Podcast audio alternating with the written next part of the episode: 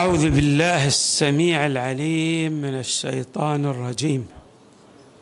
بسم الله الرحمن الرحيم والحمد لله رب العالمين والصلاة والسلام على أشرف الخلق سيدنا ونبينا محمد وآله أجمعين الطيبين الطاهرين.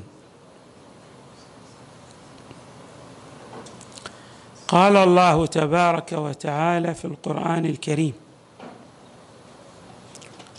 وقل لعبادي يقولوا التي هي أحسن. إن الشيطان ينزغ بينهم.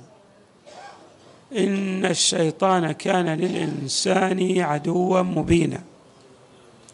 صدق الله العلي العظيم. من أهم الأسس التي تشكل الركيزة العظمى إذا صح التعبير. في نجاح الإنسان وتقدمه على جميع الأصعدة وفي الميادين المختلفة. الكلمة الطيبة الكلمة التي تتصف بالحسن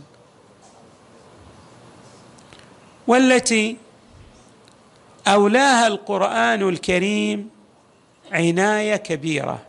يعني جاء التحدث في القرآن الكريم عن الكلمة الطيبة بأنحاء مختلفة. كالقول المعروف. وكذلك القول الحسن. وكذلك أيضا الكلم الكلم الطيب. وأيضا هناك آيات أشارت إلى الكلمة الطيبة بأنها ترتبط ارتباطا وثيقا مع العمل الصالح. إليه يصعد الكلم الطيب والعمل الصالح يرفعه. بمعنى أن الذي يرتفع عند الله هو الكلم الكلم الطيب. والرافع له العمل الصالح. فالإنسان يحتاج إلى دعامتين أعمال صالحة وكلمة طيبة. ما هي أهمية الكلمة الطيبة؟ في علاقات الناس مع بعضهم.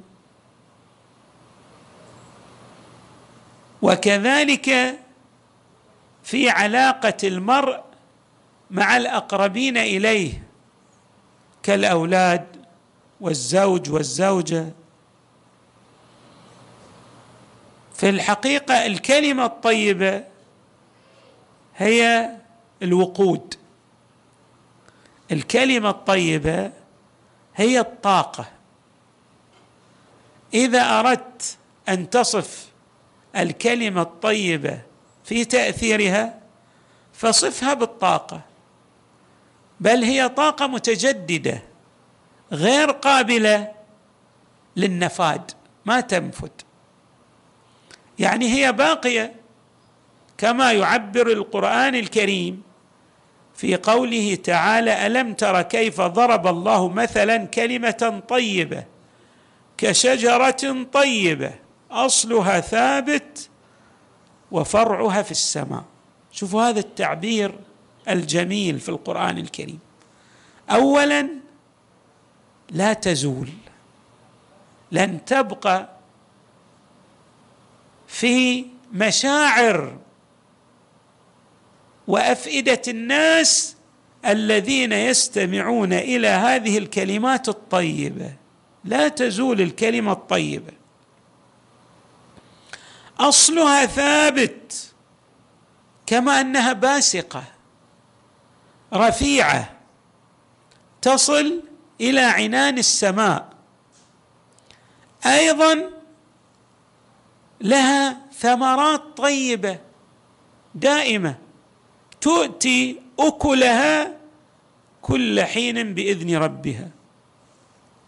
اذا حري بنا أن نلتفت إلى هذه المعاني الجميلة التي جاءت في الذكر الحكيم عن الكلمة الطيبة. كلمة طيبة كما عبرنا وقود متجدد لا ينضب لا ينفد لا يزول وقد وردت بعض الروايات التي تشير إلى ثبات الكلمات الطيبة وبقائها في افئده وقلوب مستمعيها. الانسان الذي يسمع الكلم الطيب تراه ماذا؟ عنده طاقة متجددة وتزول عنه الأتعاب. الآن أنت جرب. قم بأعباء عمل كبير. فإذا جاء الناس وأطروا هذا العمل وأسبغوا الثناء عليه ترى أنك كأنك لم تتحمل أي عبء أو أي ثقل من الأثقال التي أثرت عليك عند قيامك بهذا العمل. يعني يتحول ذلك الثقل أو الثقل إلى بلسم. شيء يشفي الجراح. يزيل الأتعاب. ولذلك يقال إن من أسرار النجاح في المجال التربوي للآباء وللأمهات إسباغ الثناء والمدح. والتشجيع على أبنائهم. حتى إذا كان هذا الابن متوسط الذكاء بل حتى لو كان أقل من متوسط الذكاء لكن هذا المدح المستمر والتشجيع الدائم سيؤثر عليه ايجابا ويجعله يتألق. لأن هذا الثنى كما عبرنا طاقة متجددة لا تنفد فتؤثر ايجابا. وحري بنا أن نلتفت إلى أن الكلمة الطيبة أيضا هي من المواثيق التي أخذت والعهود التي أخذت على ماذا؟ على الأنبياء والناس كافة. يعني الأنبياء يبلغوا الأمم بأن عليهم في تعاملهم مع بعضهم أن تكون الكلمات التي تخرج من أفواههم كلمات تتصف بالجمال. تبلسم الجراح فيها عذوبة تؤثر ايجابا. انظروا أو استمعوا إلى هذه الآية. الله تبارك وتعالى يقول وإذ أخذنا ميثاق بني إسرائيل لا تعبدون إلا الله وبالوالدين إحسانا وذي القربى واليتامى والمساكين وقولوا للناس حسنا وأقيموا الصلاة وآتوا الزكاة.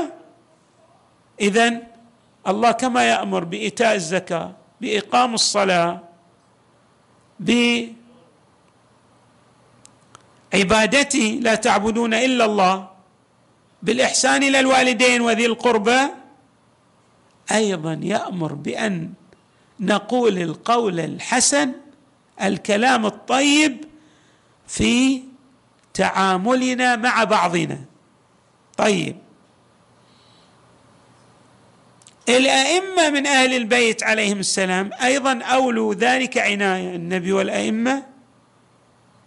لهم أحاديث متعددة تبلور هذه الأحاديث الأهمية الفائقة في تعامل الإنسان مع اخيه الإنسان وفي تعامله أيضا في المجالات الضيقة والواسعة بأن يكون هذا التعامل الذي يتعامل به مع غيره لا بد أن يتصف بالحسن. يصاغ بأسلوب ينم عن الجمال. نقرأ بعض الروايات في هذا الشأن. النبي صلى الله عليه وآله كما روى ذلك نعم. كما روى ذلك ابن أبي جمهور الاحسائي في الدرر اللآلي عن عدي بن حاتم الطائي قال قال رسول الله صلى الله عليه وآله ما منكم أحد سيكلم ما منكم أحد سيكلمه الله ليس بينه وبينه حجاب فينظر عن يمينه فلا يرى إلا ما قدم وينظر عن شماله فلا يرى إلا ما قدم. ثم ينظر بين يديه فيرى النار فمن استطاع أن يقي وجهه النار ولو بشق تمره فإن لم يجد فبكلمة طيبة. يعني أنت في بعض الأحيان ما تستطيع أن تقدم إحسانا إلى غيرك من الناحية المادية. ولو بالقليل ما عندك. قد تكون من المملقين. ولكن تستطيع أن تقدم كلمة طيبة لغيرك. فإن لم يجد فبكلمة طيبة. أيضا لما سأل معاذ النبي صلى الله عليه وآله. فقال يا رسول الله وأنا لمؤاخذون بما نتكلم به. يعني هذه الكلمات التي تصدر عنا ومنا نحاسب عليها؟ قال النبي صلى الله عليه وآله. وهل يكب الناس في النار على وجوههم أو على مناخرهم إلا حصائد ألسنتهم. مو فقط تؤاخذ أنت قد تصل إلى قاع جهنم بواسطة الكلمات السيئة والنابيه والتي تؤثر تاثيرا سلبيا. وكما أشرت أن بعض الآباء والأمهات يسهمون إسهاما كبيرا في تألق أبنائهم من خلال الإطراء والمدح والثناء والتشجيع. هناك العكس. قبل أيام جاءني شخص وكان يحكي لي عن تعامل والده وإياه. يقول منذ أدخل البيت إلى أن أخرج. لا يقول لي كلمة طيبة. هذا الابن محطم في داخله. يقول حتى هو مستوى متوسط الذكاء. يقول لكن والده لا يطلق عليه في البيت وأمام أخوته إلا الغبي. فهذا حتى لو كان كما أشرت متوسط الذكاء لكن أقرب الناس إليه وهو الوالد يخاطبه بكلمات نابية سيتأثر سلبا في تعامله. الإنسان هو في طاقته يعتمد على الكلمات التي يستمع إليها من غيره فحري بنا أن نلتفت إلى تأثير الكلمات التي تصدر من أفواهنا. نعم. ولهذا النبي صلى الله عليه وآله أيضا يقول يقول من كان يؤمن بالله واليوم الآخر فليقل خيرا أو ليصمت. إذا أنت عندك إيمان بالله وتؤمن بوجود آخرة وأنك تحاسب على هذه الكلمات التي تتفوه بها عليك إما أن تقول خيرا أو تكف تصمت. لا تتحدث لأن هذا الحديث الذي يصدر عنك سيؤثر تاثيرا سلبيا كما قلنا في غيرك. نعم. رواية جميلة عن مولانا موسى بن جعفر عليه السلام ينقلها عن جده صلى الله عليه وآله وهي قريبة من الرواية التي ذكرناها عن عدي بن حاتم. يقول الإمام عن جده المصطفى كلكم مكلم ربه يوم القيامة ليس بينه وبينه ترجمان. يعني الكل الله يحاسبه ويسأله. هذا مو دليل على أنك ترى الله جسم لا ما في جسمية. وعندما نقول أنك تتحدث مع ربك. يعني كما يتحدث الأنبياء مع الله. الله يكشف عنك الغطاء يجعل لديك قدرة في عالم الآخرة أن تتحدث معه. كما يتحدث الأنبياء مع الله في الدنيا. لكن مو هذا يدلل على أن الله جسم أو في مكان. لا. يعني أنت يكشف عنك الغطاء وتزول عنك الحجب. طيب. ثم يقول تقول الرواية فلا يجد الإنسان عندما يكلم الله إلا ما قدم وينظر من يمينه فلا يجد إلا ما قدم ثم ينظر عن يساره فإذا هو بالنار. يعني يجد أن هذه الكلمات التي صدرت عنه تجره إلى النار والعياذ بالله. فاتقوا النار فاتقوا النار ولو بشق تمرة. فإن لم تجدوا ما تتصدقون به ما تسهمون به. من جزيل العطايا فبكلمة طيبة يقول الإمام عن جده المصطفى. ما عندك شيء تسهم به ايجابا؟ عليك بالكلمة الطيبة. والإمام أيضا الباقر يفسر لنا الآية التي ذكرناها فيما تقدم وهي قوله تعالى وقولوا للناس حسنا فيقول الإمام. انظروا ماذا يقول. يقول قولوا للناس أحسن ما تحبون ان يقال لكم أحسن ما تحب أن تسمعه من غيرك؟ قله لغيرك. ثم يردف الإمام قائلا. فإن الله يبغض اللعان.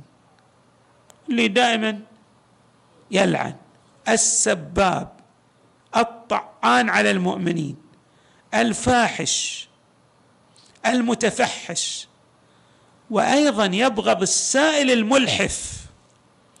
يعني حتى لو ما عندك شيء مو دائما إلا أعطني أعطني يلا أعطني ترى أنا محتاج ترى هذا الله يبغضك خلك في حتى في طلبك. ولو كنت ولو كنت بحاجة خفيف المؤونة. نعم السائل الملحف ويحب الله تبارك وتعالى الحليم الكاظم لغيظه العفيف اللي عنده عفة. في لسانه. إحنا نسميه هنا الذرب. الكلمات التي تصدر منه فيها ماذا؟ جمال. عندما يستمع إليها غيره يستأنس بها. ويحب أن تتكرر هذه الكلمات عليه. لأن كما قلنا الإنسان يحب الثناء والإطراء والتشجيع من غيره. ويرى أن ذلك الثناء والكلمات الطيبة التي تقال عنه وفيه تسهم في تقدمه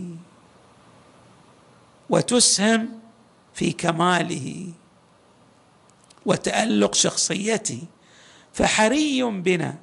وبذلك الإنسان يعني يسهم في تقدم غيره وكذلك يسهم في تقدم ذاته لأنه إذا كانت الكلمات الصادرة عنه ومنه طيبة سيحصل أضعاف مضاعفة من الأجر من الناحية المعنوية وسينال الكثير من أدعية غيره الذين استمع استمعوا إلى كلماته العذبة والطيبة.